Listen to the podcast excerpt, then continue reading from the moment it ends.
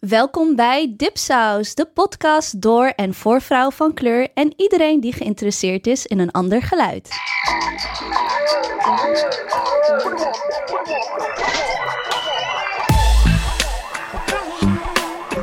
Hi iedereen, het is vandaag zondag 4 december en wij zijn onze derde aflevering al aan het opnemen.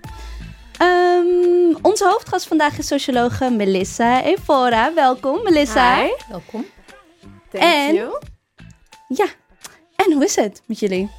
Ja, ik, ik ben nog steeds ziek. en Bisse is nog steeds ziek. Opname nummer drie en ik ben nog steeds ziek. Ik heb een schoorstem. Ik heb mijn uh, medicijntjes bij me. Oh, heel goed. Met mij gaat het ook goed. Anusha hier. Nee, ik ben niet ziek, maar wel een beetje schoor. Want ik ben heel hard aan het uh, repeteren en try-out met de voorstelling. Opvliegers 2, Opvliegers in de sneeuw. Kom allemaal kijken, theaters in Nederland. En dat, is altijd, dat zijn echt, die, die montageweek is killing. Want we moeten heel veel gillen en heel veel doen en heel veel repeteren. En dat dan 80 keer per, per dag. En dan ook s'avonds spelen. Dus daarom klink ik uh, zo. Scarlett Johansson. ja, maar dan wat ouder. Je bent een beetje op uh, overlevingsmodus. Standje overleven, ja. Dankzij de paperwodka die ik heb gekregen van onze regisseur Patricia Crony. Ah. heb ik toch nog goede avonden. nice. nice. Even kijken. Zullen we gewoon beginnen zoals we altijd beginnen met onze shout-out en burns? Ja, dat lijkt mij een goed idee. EBC. Ik heb alleen eigenlijk één een shout-out. Ik ben net uh, vorige, gisteravond teruggekomen uit Londen. London is like my home away from home. Omdat er in de eerste instantie... Ik heb daar heel veel vrienden die daar wonen. En uh, ik ga daar twee, drie keer per jaar daarheen. Voor werk en ook voor pleasure. Maar er zijn ook gewoon echt heel veel Ethiopiërs daar. Gewoon, ze lopen gewoon los in het wild. Ja. There's a lot of Ethiopians, like hipster Ethiopians, wat je in Nederland... Want even voor de luisteraars, jij bent Ethiopisch. Ik kom uit Opgegroeid in Nederland ja. vanaf je veertiende. Dus er zijn echt heel veel Ethiopiërs gewoon overal op mhm. straat. En tentjes en vegan Ethiopian restaurants. Ik voelde me, ik en de haarshops. Ja. De, de, oh, geweldig. Oh. Wist je nog toen we daar... Uh... De haarshops, ja, mijn, haar, mijn afro gaat los. Uh, wist je nog toen we daar... Wij zijn, wij zijn ook samen een keertje naar, uh, naar Londen geweest. En toen, ja, dan ben ik gewoon ook een beetje... Ja. Dan ben ik omarmd Klopt. door de Ethiopische gemeenschap ja, we waren in Brixton, we gingen ja. in een haarshop binnen en... Er was this guy en hij liep op haar af en hij begon Amharic tegen haar te praten. Want hij dacht, hij dacht niet dat ik uit Ethiopië kwam. I don't have the forehead going on. Maar je hebt best, ja, maar sorry, je hebt echt een heel rond voorhoofdje. Klopt, maar heel dit, duidelijk. dit komt helemaal tot hier bij haar. Je haargrens. Ja, dit, dat gaat om de haargrens. Ah, het gaat om de haargrens. Dat is precies. Het. En ik moet dus heel veel Ethiopiërs, Eritreërs echt teleurstellen. En dan vragen ze, oh, maar wat ben je dan? Dan zeg ik Marokkaanse dan. Oh. oh. Ja. dus echt heel veel. Hij, gewoon, hij kwam gewoon echt in hem haar. Ik uh, tegen haar praten. Ik nee, maar ze komt niet uit. Ze ze is mijn geadopteerde zusje. Ja, en, en, wat zo grappig is, want ik ben dus half Russisch, half Cameroens. Maar mijn moeder heeft ook een beetje Mongools bloed. Dus ik heb een hele Aziatische haargrens. Ja, dus Aziaten, die, denk, zien altijd, die zien altijd dat ik part Asian ben. Weer door mijn haargrens. Nee, bij mij is het... Mijn eigen mensen zien niet dat ik uit Ethiopië kom. En waar ben je het liefst in, uh, in Londen? Ja, everywhere eigenlijk. Ja? ja, dit keer was ik in de buurt van uh, de Barbican buurt. Daar, het is ook het is een beetje edgy, een mix of edgy en, en, en, en, en ook gewoon echt heel erg uh, verhipsterd. Maar ja, ik, ik vind het gewoon leuk. Ik vind alles leuk. Nice. Want het is, ik woon niet daar, dus ik, ik maak alleen maar de leuke dingen mee. Precies, ja, ja. Dus het is een soort escapisme from this place. Anyway, nu ga ik naar Anousha. Wat was jouw... Uh, ja, nou, ik heb eigenlijk wel. Ik heb genoeg burns hoor. Maar ik wil, het gewoon, ik wil even lekker positief december ingaan. Dus mijn, mijn shout-out gaat eigenlijk naar mijn kinderen. Want um, dit jaar. Um, uh, nou, waar even het plannen van God, gaan we doen met de feestdagen en alles. En toen mijn oudste dochter, onder leiding van mijn oudste dochter, maar ook mijn twee jongere kinderen gezegd: uh, we zijn een beetje klaar met Sinterklaas. Dat hoeft niet meer. was wel zielig. Mijn jongste, want die is nog best wel jong, die, die stond er een beetje zo bij. Dat ik er ook echt moest aankijken van, vind jij het ook echt goed? Ben jij er ook klaar mee? Of moet het van je grote zus? En toen zei ze zo, nee, ik, ik, ben, ik ben er ook wel klaar mee. Oh, maar ze mocht dus nog wel de schoen een paar keer zetten. Zij alleen, mijn oudste ook meteen de schoen zetten. Uh, maar ze willen... ja, dat dan wel weer. weer wel, ja. Maar ze willen kerst. Maar ik heb wel beloofd, we gaan echt vanmiddag dus ook al de kerstboom halen. We gaan echt voor een hysterische kerst dit jaar. Oh, leuk. leuk. Maar dat is toch Sinterklaas? Dat is toch cadeautjes? Ik bedoel, ik hoefde mijn schoen thuis niet te zetten. Mijn moeder nam me gewoon mee. En zei, wil je een Barbie uitkiezen? Hier, kies maar wat uit. En dacht ik, yes!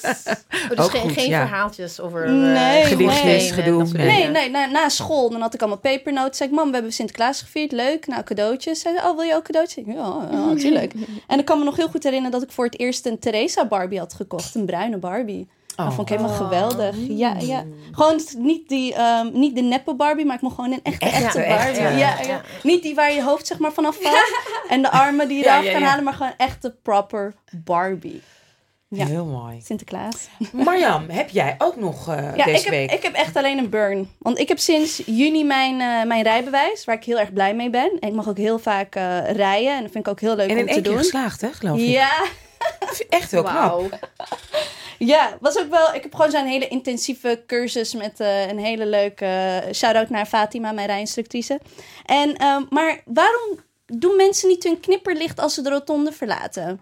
Want dat moet toch? Dus ik sta heel vaak een beetje boos te worden op mensen die niet hun knipperlicht aandoen wanneer ze de rotonde verlaten. Want ik stop dan. Irritant, En dan, wacht ja. ik, ja, en dan wacht ik totdat mensen. Keurig netjes. Of, ja, Precies. Ja, want zo hebben mensen het toch geleerd. zo moet ook. Ja. Dat weet ik niet. Ik heb geen rijbewijs. Ja, nee, je het moet niet. het eh, aandoen. Kan, er- kan, kan er gewoon een boete. Je kan een citizens arrest kan, kan je plegen. Nee, nee. Oh, nee. niet doen. Ik was echt van, oh. Ze keek heel serieus.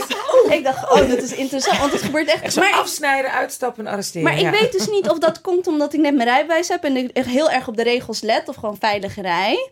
Of dat, dat ik dus nee, ook zo het is word gewoon over... irritant. Ja. Het is gewoon heel irritant. Toch, Melissa? Ja, ja. Het moet ook gewoon. Je moet gewoon kniplichten. Toch? Ja, tuurlijk. Ja, en ik dacht zo, ik ga niet met de NS, want er was weer heel veel gedoe met de NS. Ik ga lekker met de auto. Maar ik denk dat het gewoon is van, er zijn allemaal mensen. Dus er zijn mensen in de trein en mensen in het verkeer. En Ja. daardoor, en het is winter. En dus iedereen is gewoon vervelend. Ja, om Ja. een oude witte man te quoten, Jean-Paul Sartre, die zei het al, hel zijn de anderen. Dat, is gewoon echt waar. Ja. zo. Ja. Dat is Mooi, hel. Andere mensen.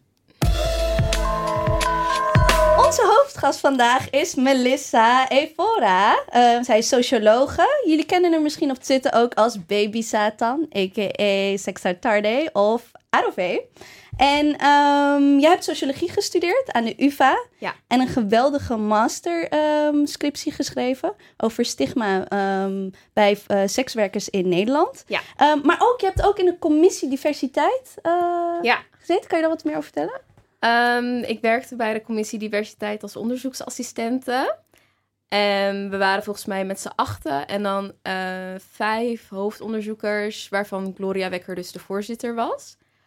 En ehm, ik zat dus in, het, eh, in één team wat eh, kwalitatief eh, onderzoek deed. En wij hebben dus interviews gedaan met decanen en eigenlijk mensen in eh, beslissingmakende posities. En welke universiteit?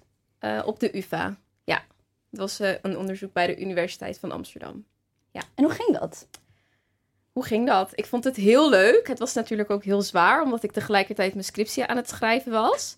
Maar ehm, ja, ik vond het zo een belangrijk onderwerp. En ik was ook echt door het dolle heen toen ik hoorde dat ik was aangenomen. Want ik dacht, yes, history Was het in the moeilijk om, daar, ja, om daartussen te komen? Om in ja, die commissie er terecht te waren komen? volgens mij best wel veel sollicitaties. Echt, ja, ik weet, ik weet niet precies hoeveel, maar ja, ik zat wel bij de, bij de lucky few, dus... Maar jullie hebben ook een backlash gekregen. Want kan je ook wat vertellen wat eigenlijk uit dat onderzoek kwam? Ehm, nou ja, wij hebben dus eh, verschillende aanbevelingen gedaan. En eh, ja, een van die aanbevelingen was dus, maar ja, echt als ultieme strohalm eigenlijk. eh, eventueel ooit in de verre toekomst het eh, invoeren van quota. En, Voor studenten of voor docenten? Voor... ja, voor studenten voornamelijk, volgens mij. Ja, ja, ja. Eh, ik weet nu even niet uit mijn hoofd of dat ook ging over personeel. Maar in ieder geval voor studenten, dat sowieso. Om gewoon meer diversiteit te krijgen gewoon binnen de UvA. Precies. En Ja. dan op, op een manier die dus echt een, f- op een kwantitatieve manier verplicht werd gesteld. En ehm, ja, daar kwam echt een hele, hele heisa over. Maar ik moet je eerlijk bekennen dat binnen de commissie wij daar niet zoveel eh, aandacht aan besteden eigenlijk. Het was eigenlijk meer een soort afleiding van alle andere aanbevelingen die we ook hadden gedaan. Zoals het curriculum meer diverser maken. Ehm, gewoon überhaupt een meer inclusieve sfeer creëren op de UvA. En dat werd dan allemaal ja, een beetje teniet gedaan door één Eén ding is hele... ja. terwijl dat echt een... Dat is niet iets... Dat is niet iets wat, wat wij ook willen, weet je wel. Dat is gewoon iets van als al die andere oplossingen niet lukken, ja, dan maar dat. Was, het, was het extern of intern eh, weerstand? Nee, extern. Extern, dus niet vanuit de UvA, maar echt externe weerstand. Oh, op die manier. Op de, Nou de ja, reactie Op een gegeven moment ging de media er dus mee aan de haal. Omdat ehm, wat wij deden eh, was toen we al heel ver waren met het eindrapport, hebben we een paar ehm, bijeenkomsten georganiseerd om feedback te krijgen van de academische, eh, van de academische gemeenschap. En ehm, ja, daar was dus een, een puntenlijst uitgedeeld met het programma en wat er allemaal verteld zou worden. En toen heeft iemand daar dus een foto van gemaakt en die naar Aha, een bepaald medium gestuurd. aha.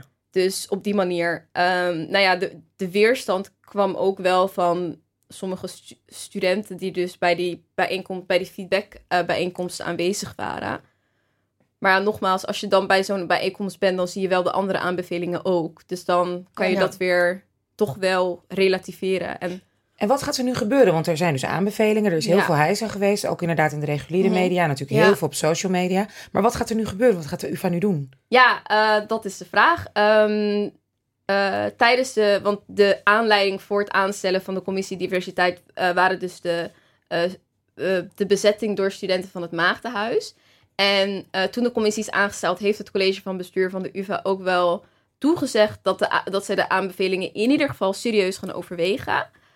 Ehm, dus ja, wat, ik zit nu natuurlijk ook niet meer op de UvA, dus dan krijg ik het ook een stuk minder mee. Maar ik hoop dat ze er wel iets mee gaan doen, ja. Dus er is geen tijd aan verbonden. Of, of dat ze hebben gezegd, oké, dan en dan gaan we... Nee, Naar buiten gewoon in de, komen kom- met- in de nee. komende tijd. Want kan je ook vertellen als studenten, hoe had jij een beetje last van, van zeg maar, het cultuurtje van, van de UvA? Een beetje de witheid en de exclusiviteit daar? Ehm, nou, dat is wel heel grappig, want ehm, ik heb dus mijn bachelor op de VU gedaan. En die keuze heb ik heel... Ja, ik kom natuurlijk uit Rotterdam, dus ik had ook net, net zo goed naar Erasmus kunnen gaan. Maar wilde dan niet met dezelfde mensen op de universiteit zitten als dat ik ook op de middelbare school had gezeten. Dus daarom ben ik naar Amsterdam gegaan. En ik wist eigenlijk al heel vroeg dat ik naar de VU wilde. Juist omdat dat dus een imago had Ja. van diversiteit. En ik was ook een van de eerste in mijn familie die ging studeren. Dus Ja, ik ja. wist niet, zeg maar... Ik was nog nooit in een universiteit geweest. Dus ik wist niet hoe, wat... Je hebt natuurlijk heel veel van die impliciete regels die iedereen weet. Maar ja, dat Ja. wordt je niet verteld. Die, die ze meekrijgen ook vanuit de... Precies, vanuit hun ja, ouders, als ze die wel ja. gestudeerd Kan je daar hebben. een voorbeeld van bijvoorbeeld. geven? Ehm, Zo'n impliciete regel die, die eigenlijk hè, door schade en schande... ja, ja, ja, misschien ja. wel door humor Nou, ik heb moet leren. geen, ik heb geen, eh, ja, misschien bijvoorbeeld stu- studenten of eh, studentenverenigingen, weet je wel? ook niet. Ik, Ik, ik, ik, ik had echt het, ik, weet, hetzelfde. ik, ik weet echt Ja. niks van, ja, hoe gaat dat dan? En wat, ik, ja, ik kan, ik kan er gewoon echt niks Maar ook mee. het nut eh, van, van being part of a studentenvereniging. Ik had Ja. geen idee. En ik had echt Nee. van, ik snap het niet, ik begrijp ze niet, ik wil het niet. Ja, Ik voel het daarbij gaan? Nee, maar ook niemand heeft me echt verteld hoe dat aan toe ging. Dus ik was net wat drie, vier jaar in Nederland toen ik ging studeren. Van Ethiopië en dan middelbare school en dan studeren. That was my culture shock kwam op. Ja. Echt toen ik ging studeren dacht ik van... Wat voor parallel wereld ben ik in beland? En ik ging in Leiden studeren. Oh. Ja, woonde in Amsterdam. ik ging in Waarom? Leiden geschiedenis. Because eh, history was my, my, my favoriete vak. Ik was er goed in. En ik had echt een geweldige lerares op eh, middelbare school. En ik wilde graag geschiedenis studeren. En Leiden stond heel hoog aangeschreven. En Ja. ik kwam echt in een wereld terecht. Ja. En ik ben, ik ben na zes maanden ben ik gewoon gestopt. ik ben na zes is- maanden, ik ik ben ben- na zes maanden wonen in Leiden, dacht ik, dit is, Ja. dit is niets voor mij. Ja. En ik ben één keer naar zo'n eh, Minerva, volgens mij heet dat zo, Oh is de- bijeenkomst. ja, een van de belangrijkste studentenverenigingen ja. in heel Nederland zo ongeveer. Dus ik dacht van, nou, ik, ik ga daar naartoe, weet je, let's give it a go. Weet Ja. je, ik ga niet... Ja. eh, en ik, ik was toen gegaan en toen was het meteen, ja, maar wat doet je pa dan? Ja. En ik zei dan, ik zei dan, ik dacht van, leuk ijsbrekertje, ja, gastarbeider. En dan werd ik uitgelachen en zij zei, nee, nee, maar wat doet je vader echt? En ik zei, eh, wat? That's it. Ja, ja, ja. Is er wel een beetje... ehm, Dus je hebt niet in Leiden afgemaakt? Ik heb mijn studie wel afgemaakt, Maar ik, ben, niet ik, in ben, Leiden? ik, ben, ik ben niet daar gaan blijven wonen. Oh, dus wel je in bent in Leiden Leiden. blijven studeren. En jij? Waar heb jij Nee, gestudeerd? ik heb eh VU. op- Ik ben ook gewoon van... eh Switch naar de VU. Switch naar de Ja. Oké. Ja. Ja. En ehm, ja, dus dat. En ik vind dat de VU dat heel goed heeft aangepakt. Zeg maar een beetje dat bij je hand vasthouden. Eén voorbeeld daarvan is dat ze bijvoorbeeld een familiedag hadden georganiseerd. En toen was ik dus met mijn ouders en mijn broertje een dagje op de universiteit geweest. Oh, leuk. Ja, en dat is echt zij hebben zeg maar echt begrip voor het feit dat er mensen Ja, ja, zijn ja. die als eerste in hun familie gaan studeren. En ik vond dat zo fijn. Ik had dat gewoon echt even nodig. Maar na drie jaar wist ik het wel hoe het op een universiteit eraan toe ging. En toen, ik naar, toen kon ik gewoon naar de UvA gaan, zeg maar. Tussen haakjes kon ik. En ik hoefde dat niet meer, dat Nee. bij mijn handje Maar vastgehouden de UvA doet dat dus niet. Die, die organiseren niet nou een ja, ik familiedagen weet, of... Nee, ja, ik, nee, nee, Nee. nee. Terwijl dat is zo simpel. Je zou denken, nou, als voor, als voor een el- elke Amsterdamse universiteit moet dat toch niet een heel groot ding zijn om een klein beetje mee te werken aan iets meer, eh, zeg maar, ehm, eh, welkom gevoel geven aan iedereen, aan alle studenten. Maar het motto op de UvA is heel erg... eh, ja, we zijn toch allemaal hetzelfde. Iedereen is, iedereen Ja, ja, is gelijk. Ja, iedereen is zelfde gelijk. startpunt. zelfde- Ja, ja, ja. ja, ja. ja. Want jij ging naar de UvA en toen ging je master, master doen. En Ja. ehm, een van de redenen dat wij jou heel graag aan tafel wilden hebben... is juist omdat ik... Ik wist een beetje van waar jouw onderzoek over ging. En dat ging over eh, stigma... of, eh, over stigma bij sekswerkers eh, in, in Nederland. Mhm. En je, je pakte ons eigenlijk allemaal al bij, bij de intro. Want dan is een beetje persoonlijk over ehm, stigma over, over seks en vrouwen. Ja. En, toen, en daar heb je het maar. En dan heb je als onderwerp dat gekozen. En kan je daar wat meer over Ja, vertellen? waarom? Ja. Eh, nou ja, ik heb, me dus, eh, ik heb dus een master sociologie gedaan. En dan ehm, op de UvA heb je dus binnen de master sociologie verschillende tracks. En de track die ik deed was dus Dat is een track. eh, een soort richting. Dus je hebt dan bijvoorbeeld... eh, ik deed gender, sexuality and society. En een vriendin van mij deed bijvoorbeeld eh, migratie als Hmm. track. Je hebt eh, bijvoorbeeld, eh, weet ik veel, urban studies of zo. Zo allemaal verschillende richtingen. En ik deed dus eh, de richting gender, sexuality and society. En ehm, ja, binnen die master hebben we toen ook heel veel artikelen gelezen over sekswerk. Een van mijn docenten is eh, gepromoveerd op sekswerk. Dus ik kreeg er sowieso heel veel van mee. En ehm, ik kwam toen in aanraking met een eh, welzijnsorganisatie... waar ik dus vrijwilligerswerk voor deed. Ehm, en zij hebben dus een uitstapprogramma... eh, voor vrouwen die sekswerk doen, maar die ermee willen stoppen. Ehm, en dat vond ik eigenlijk al heel raar, want hoezo als je gaat stoppen met een beroep, heb je daar een speciaal programma voor nodig? Dat heb je ook niet voor advocaten of zo, weet je wel. Ja, Dan hebben ze gewoon een criminelen. Ja, precies. Heb je dat? Ja. verslaafden, ja. Ja, inderdaad. En, wa- en, hoe- en, en, en hoe werkt dat? Kan je daar heel kort over vertellen hoe, hoe dat uitstapprogramma er dan ook uitzag? Of hoe... Eh, nou ja, eh, ja, eigenlijk biedt het gewoon een soort van hulp voor vrouwen die met sekswerk willen stoppen. In de zin dat ze, ja, ehm, bijvoorbeeld hulp krijgen met het vra- aanvragen van een uitkering. Echt hele concrete en praktische dingen eigenlijk. Ja. Maar eh, natuurlijk snap ik dat die be- begeleiding handig is. Maar die naam, dat vond ik raar. Een uitstapprogramma. Terwijl als je sekswerk ziet als werk, dan is dat heel raar dat er voor een bepaalde beroepsgroep een uitstapprogramma bestaat. Dus dat vond ik in de eerste instantie al heel erg eh, interessant. En toen eh, wilde ik eigenlijk onderzoeken van raak je eigenlijk dat die stempel van sekswerker ooit kwijt als je er dus uitgestapt bent, tussen haakjes uitgestapt. Ehm, en dat wilde ik in de eerste instantie onderzoeken door middel van uitstapprogramma's, maar dat was heel lastig vanwege de privacy waar Ja. zij ook mee, mee moeten dealen. En toen besloot ik eigenlijk om mijn onderzoek te verbreden en eh, eigenlijk sekswerkers te interviewen die nog steeds werkten. En eh, eigenlijk onderzoeken hoe zij met dat stigma omgaan. En ehm, dat gebeurde eigenlijk concreet in de zin dat ik probeerde te onderzoeken in hoeverre hun omgeving wist van het werk wat zij deden. Want dat was eigenlijk de manier waarop ik het sociale fenomeen van stigma heb geprobeerd te concretiseren. Ja, want eh, je hebt pagina 16 van je masters eh, scriptie. Je, je, je beschrijft eh, de boodschap die de maatschappij aan vrouwen geeft.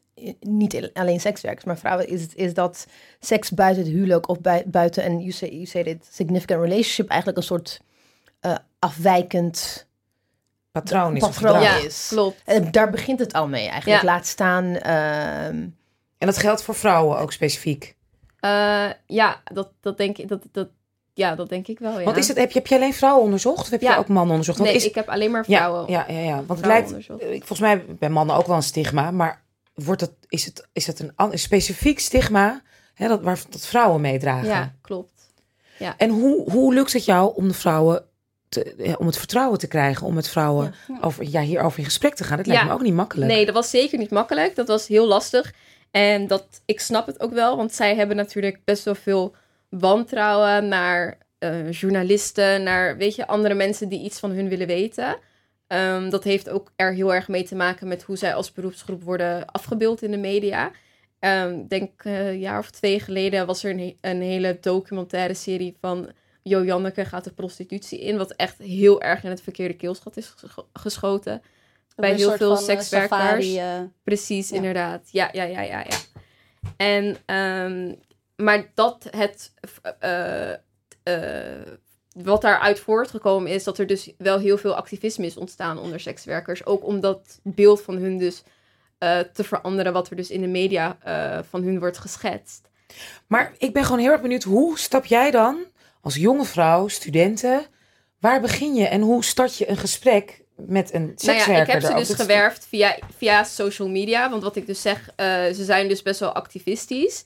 En eigenlijk door middel van snowball effect. Dus gewoon vragen van, oh, ken jij toevallig nog iemand anders? En zo is het eigenlijk gaan rollen. En heb ik uiteindelijk 12 of 13 vrouwen geïnterviewd. Ja. Want, want toen ik er, eh, toen ik het la- toen ik jouw ehm, scriptie las en ook over zeg maar de beweging dat is gestart, ja, was bij mij eigenlijk altijd het idee van Nederland van ja, nou alles is toch perfect op, op orde Ja. en zo tolerant en ehm, maar jij geeft daar een heel ander, ja, jij, ja, een heel ander beeld van. Ja, ja, ja. Wat is het beeld? Ja, want je- wat, een van de dingen wat je, wat, eh, wat je schreef, ik heb alles gelezen, was dat eh, sekswerk vaak gelinkt wordt met criminaliteit. Ja. Dat, dat er een soort impliciet altijd met gecriminaliseerd wordt. Niet Ja. alleen door, door mensen, maar ook door eh, legislation en, en, Ja. en de staat. Eh, Kan je daar meer over vertellen? Nou ja, één heel concreet voorbeeld bijvoorbeeld is dus eh Proud. Dat is de belangenorganisatie van sekswerkers.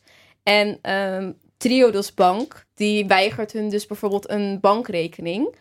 En de verklaring die zij daar dus voor geven... is dat zij het idee hebben dat sekswerk inherent gekoppeld is aan eh, criminaliteit. ja. ja. Dus Wa- dat, baseren ze dat op? ja, dat weet ik niet. Dat is blijkbaar toch een idee wat mensen hebben. En ja, dat idee. Maar is dat... het alleen een idee? Want ik, ja, ik, ik ben gewoon inderdaad een burger die televisie kijkt, weet ik, of social media. Ja. Het heeft nou niet echt een heel gezellig image. Ik denk niet bij sekswerk van, goh, als mijn dochter dat zou willen doen, denk ik van, joh, het is gewoon een beroep. Maar ja, dat, maar dan zou ik aan je vragen, waar, waarom niet dan? Ehm, nou, ik woon mijn hele leven in Amsterdam. En als ik eh, zeg maar in de Rosse buurt of gezellig daar Ja. rondloop, denk ik niet echt van, hé ja, dit is echt leuk. Hier zou ik wel willen werken. Hier, Ja. hier vertoef ik graag. Nou ja, er zijn natuurlijk verschillende vormen van sekswerk. Dat sowieso. En inderdaad, het idee, als je sekswerk zegt, dan is het eerste idee wat mensen hebben. eh, een meisje wat achter het raam staat. Maar ik heb bijvoorbeeld ook iemand geïnterviewd die erotische massages geeft. En dat valt eigenlijk ook onder sekswerk. En zo zijn er nog heel veel andere vormen. Dus Ja, en ze, en ze maken daar zelf onderscheid in. Ja, hoe ze er naar kijken. Ze maken echt, ze hebben heldere onderscheid ja, in. de in. hierarchy. Ja. ja. Ja, oh. de, de hoor daar meer over Ja, vertellen? dat is eh, ja, wat ik- is dat? Ja. Ik weet niet of ik weet, volgens mij eh, heeft, ik weet het niet zeker, maar volgens mij heeft Gail Peterson dat gecoind, die term. Wie is Gail Peterson? Eh, zij is een scholar die heel veel schrijft over sekswerk. Oké. En ehm, de hierarchy is eigenlijk ja, een soort van hiërarchie binnen sekswerk. Horarchy. Ja, Ja. de hierarchy. Ook niet echt, ja, ook best een Ja, maar stigmatiserende... ja, het- dat is ja, gewoon een, een pan eigenlijk. Ah, Oké. Maar, Sarcastisch ehm, bedoeld. Ja, precies. Ehm, dus bijvoorbeeld, eh, hoe, minder lichaam, hoe minder lichamelijk contact, hoe, hoe hoger op de rangorde bijvoorbeeld. Zoiets. Aha. Ja, dus inderdaad, er wordt inderdaad wel onderscheid tussen gemaakt. Want ja, bijvoorbeeld wat ik net zei, degene die ik dus eh geïnterviewd die ha- heb die eh, erotische massages gaf, zij eh, zag zichzelf echt wel heel anders als iemand die ook eh, seks heeft met Maar klanten. kijk, kijk, eh, kijk, is er dan ook dat een dame die zeg maar, eh, man of vrouw, ja, weet ik niet, die dat dan doet, massage geeft, kijkt die dan ook neer op haar collega die verder gaat? Of dat niet? Is er, is er ook een soort, kunnen zij allebei bij Proud en zijn zijn ze dan sisters, zeg maar, hè, samen activistisch? Of zit er dan toch ook weer ja, oordeel bij? Ehm, ik, ja, ik weet niet of, of je kan zeggen dat ze erop neerkijkt. Maar ehm, toch wel gewoon echt dat verschil benadrukken. Van ja, ik doe dat wel echt niet. Dit is de grens. Ja. We gaan even tussendoor onze sponsors bedanken.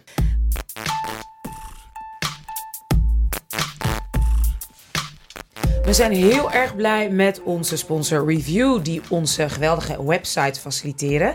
Revue. En we zijn heel erg blij hier bij Salto. We zitten hier in de Salto Studio in Amsterdam. En wat ik ook wil zeggen, we hebben een fantastische eigen Spotify playlist, Dipsaus. En deze week heeft onze hoofdgast Melissa Evora een fantastische playlist samengesteld. Die heet ook echt, eh, is hij nou Baby Satan in your earbuds? Ja, ze. zeker. Dus check echt op onze Dipsaus eh, Spotify list. Eh, check onze playlist. En abonneer je op de nieuwsbrief. Dat altijd.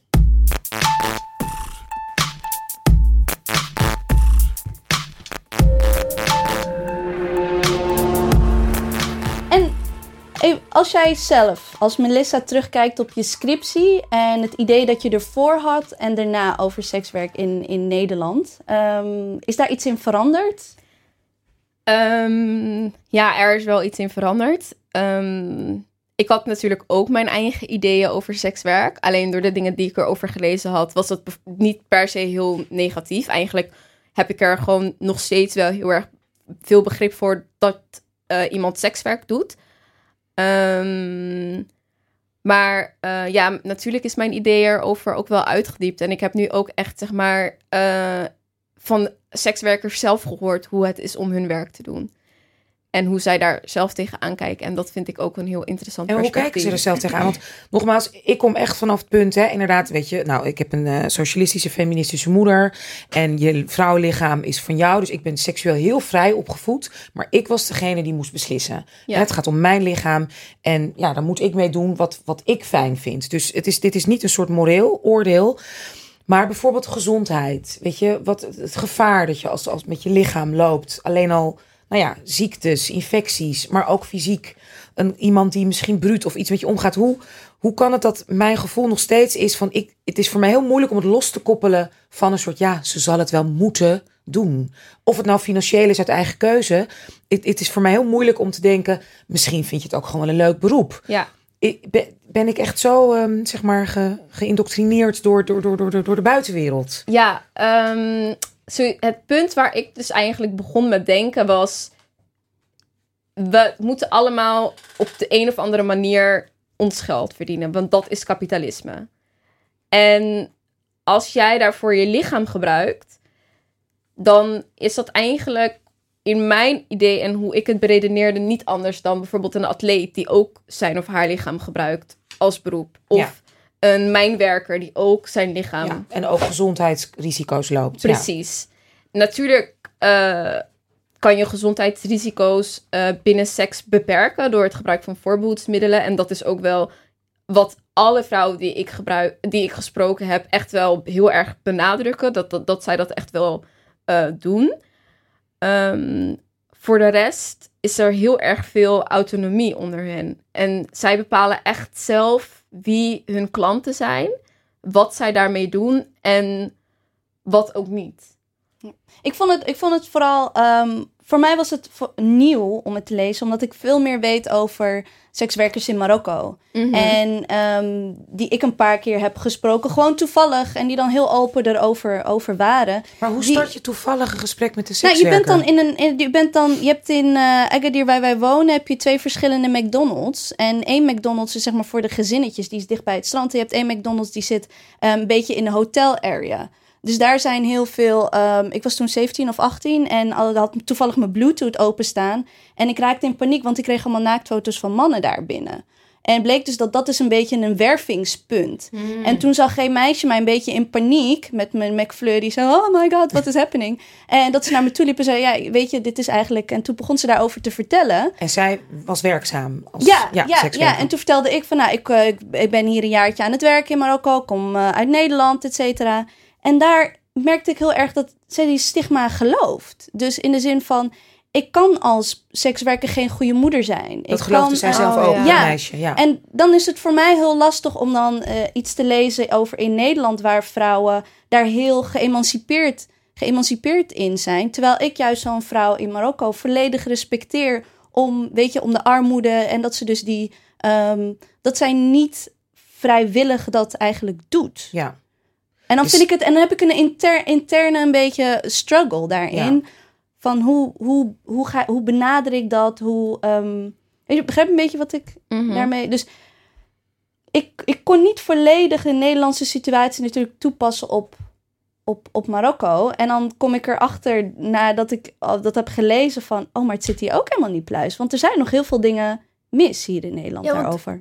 Als ik daarop mag eh, aanhaken, eh, een van de dingen die je zegt is dat, dat eh, de implicit bias wat er is, het is niet alleen op microniveau, niet relationeel, dat your friends and family, maar ook echt op, op, op wetgeving en ook de pol- police Ja. zelf hun eigen vooroordelen hebben Ja. en daarnaar handelen. Kan je daar iets meer over vertellen? Want daar, daar ga je echt uitgebreid op in. Je hebt verschillende... Klopt. Ehm, nou ja, één concreet voorbeeld wat ik daarover kan noemen, is dat ik ehm, iemand heb gesproken en die werkte dus als sekswerker. En haar vriend kon haar dus niet naar haar werk brengen, omdat hij dan zou worden gearresteerd, omdat hij haar pooier was. En dat, is eigenlijk, dat toont eigenlijk al aan dat sekswerk niet als gewoon werk wordt gezien. Want als mijn vriend mij naar mijn werk brengt, dan is niemand er die, niemand die er naar omkijkt. En eh, ja, ook, ook binnen. eh, er, er, is, er gaat nu bijvoorbeeld een eh, nieuwe wet komen als die door de Kamer komt. Ja, Dat is de wetregulering prostitutie en bestrijding misstanden. Ja, klopt inderdaad. Ja, Wat is dat ik heb voor het even wet? opgezocht, ja. Ja, eh, die wet houdt. Iemand moet het doen, Anusha. Nee, je hebt al drie keer gezegd hoe goed je het allemaal doet. Nee, Ja, nee, maar om- vertel. Ik, ik, ik wist ook helemaal niks Nee, nee. Dus ik dacht, Daarom hebben we Melissa. En ehm, de, deze wet gaat erover dat. ehm, eh, ja, de overheid wil dus gewoon meer controle en meer zicht op sekswerk.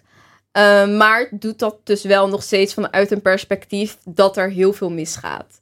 En ehm, Maar is dat niet ook zo? Gaat er niet ook heel veel mis? je ja, hebt maar er twaalf gaat, mensen gesproken, je hebt twaalf Ja, vrouwen gesproken. klopt. Terwijl ik, ja, als je naar de cijfers kijkt, is het toch echt zo dat het ontzettend lastig is om erachter te komen welk percentage het nou echt vrijwillig doet. Klopt. Maar ja, bijvoorbeeld eh, op de Wallen is er echt superveel controle van politie. En ehm, dus die, die controle die, die is er dus wel. En eh, het, het probleem is dat het vrouwen gewoon heel erg lastig wordt gemaakt om hun beroep uit te oefenen. En wat je daarmee doet, is eigenlijk meer onveiligheid voor hun creëren. Omdat ze het of stiekem moeten doen, omdat ze het. Dat is, wat zij, dat is het werk wat zij willen doen. En het wordt hun dus eigenlijk onmogelijk gemaakt. En dat vinden zij dus vooral heel erg vervelend. Eh, Ik denk het algemene idee van politie is dat, dat politie ons zou, moeten bescher- eh, zou ons moeten beschermen. Maar dat altijd vanuit een, een, een, een, een narratief doen van er is iets mis. Ehm, dus al- als ik het goed begrijp hoor, van ehm, politiebestrijding omdat het slecht gaat, niet om vrouwen te beschermen. ja, precies. En ook als je vergunning aanvraagt, betekent ook dat je, eh you, how do you say, it? je gaat erin mee dat ze jou anytime kunnen controleren. Dus Ja, een, soort, precies. een soort gevoel van echt preventief fouilleren-achtige, dat onveiligheid, Ja. gevoel van onveiligheid die je hebt als burger als je preventief, dat, dat is het. de Dus oké, stel ik wil gewoon legaal in mijn eentje sekswerk gaan doen. Ja. Dan moet ik allerlei stappen dus ondergaan. Klopt. En die stappen verschillen dus ook nog eens per provincie. Want ik heb dus vrouwen door heel Nederland gesproken. En eh, in sommige plaatsen wordt het je nagenoeg onmogelijk gemaakt. Eh, om eh, bijvoorbeeld die in te schrijven als ZZP'er. Om eh, een vergunning aan te vragen. Je moet door een biepopkeuring. Je moet betalen voor de vergunning. Die vergunning is dan bijvoorbeeld of in sommige plaatsen maar drie jaar geldig, vijf jaar geldig. Die vergunning kost 350 euro, die vergunning kost 1500 euro. Dus daar zijn ook nog eens superveel verschillen tussen. En in sommige gemeentes is het heel makkelijk. Niemand die kijkt er naar om. Het gaat echt met een knip van de vinger, kan je dat gewoon doen. En in andere plekken word je van het kastje naar de muur gestuurd en niemand die kan je iets erover vertellen. Even een laatste vraag, want we gaan zo naar onze, naar onze DDD's. Maar mijn laatste vraag aan jou is, zie jij het nu gewoon als een beroep? Nog steeds? nog steeds, ja. En eigenlijk, dat zag ik het al. Eh, en dat was eigenlijk ook het punt waar, maar, waarvan uit ik mijn onderzoek startte. En dat is eigenlijk alleen maar bevestigd. En dat is ook eigenlijk wat alle vrouwen die ik gesproken heb ook willen dat er gebeurt. Dat het als werk wordt gezien. En niet als een seksverslaving of een uit de hand gelopen hobby. Of dat er iets mis is dat ze gedwongen worden. Nee, gewoon werk. En vind je dat er een gezonde gesprek daarover is in Nederland? Een soort van een echt een open, oprechte ehm, discussie of debat? Eh, nee, nee dat, dat denk ik niet. Nee, nee, nee. Ik denk dat er heel erg eh, over sekswerkers zelf heen wordt gepraat. Ehm, en als zij voor hunzelf eh, op willen komen, dat het dan, ja, maar, ja, maar jij, jij doet dat, jij Ja. wilt dat toch helemaal Ja, het is niet. eigenlijk heel raar dat wij dat eigenlijk nu dus ook Ja. doen. We Ja, hebben een onderzoeker Ja. uitgenodigd Ja. en niet een sekswerker. Dus dat is wel Ja, een ook, leerpunt. ehm, ik denk ook, dat ook, dat tenminste als ik voor mezelf spreek, eh, je, ik had ook altijd het idee van in Nederland hebben we het wel allemaal goed voor elkaar. Ja. Mhm. Dat idee had ik totdat ik eh, dit las. Ja. Want ik, voor- as far as I know, het was hier gereguleerd Ja. en, en je Ja. kan belasting betalen en you can, you can just live your life. Maar kennelijk Nou, zijn er vooral daar... bij mij stigma. Van, Ja. eh, weet je, oh, maar we zijn toch zo open-minded hier. En, ja, en, maar en daarover. het- het- dat is, en dat is natuurlijk ook wel een beetje typisch Nederlands. Wat ik ook bijvoorbeeld, sommige reacties die de vrouwen die ik gesproken heb, ja, dan vinden hun ouders per, niet per se, ja, ja, natuurlijk, sekswerk is leuk, maar niet mijn dochter, weet je Ja, wel? ja. Zo een beetje. Terwijl soms heb ik echt het idee, en dan refereer ik weer naar Marokko, waar het ehm, dan soms wel eens gedoogd wordt van, ja, ehm, dit is de enige manier om ehm, to make ends meet, weet Ja. je wel. En dan weet je het van sommige mensen in de, in de, in de wijk. Maar anyways, ehm, nu gaan wij naar onze vaste segment DDD's. En dat zijn de triple D's. En dat is dipsausen, Oh ja. drinken of dansen. En dan hebben wij En je moet kiezen, hè? je, Ja, moet, je moet kiezen. En we hebben echt geweldige. We hebben hele leuke, leuke, leuke, leuke, leuke opties voor jou. En wat is dip, dipsaus? Is gewoon net als gewoon zo, oké, ja, Ja. ja. Veel chillen, veel Ja. hangen, veel voice messages, veel Ja. met elkaar delen, drunk tweets, Ja. drunk apps, Drunk met foto's. Heel veel foto's. Om twee uur s'nachts. Oké, oké, oké, ja, oké. ja, ja, ja, ja. Oké, je mag kiezen tussen Marco van Basten, Sylvia Witteman en Jan Dino. Oh my god! Ja, Even ter achtergrond, want ehm, eh, Melissa is een Feyenoorder. Ja, klopt. En Marco van Basten? Weet ik niet. Oké, ehm, eh, ik weet dat hij bij Ajax... Ik, weet, ik me alleen herinneren dat hij bij Ajax zat. Dus ik dacht van, Ja? die gooi ik erin. Ja, dipsaus, dansen en drinken. drinken. drinken. Alcohol, hè? Ja. Ehm, Oké, dan ga ik denk ik met, Mar- met Marco van Basten dipsausen. Want dan kunnen we gewoon over voetbal praten. Goeie. Safe. Eh, oh, ehm, Sylvia Witman. Jan Dino heb je nog. Was je geblokt door haar? Ja. Oh. Waarom? Op eh, Twitter? ja, op Ja? Twitter. Ik weet, niet, ik weet niet waarom. ik weet echt niet waarom. Heel erg.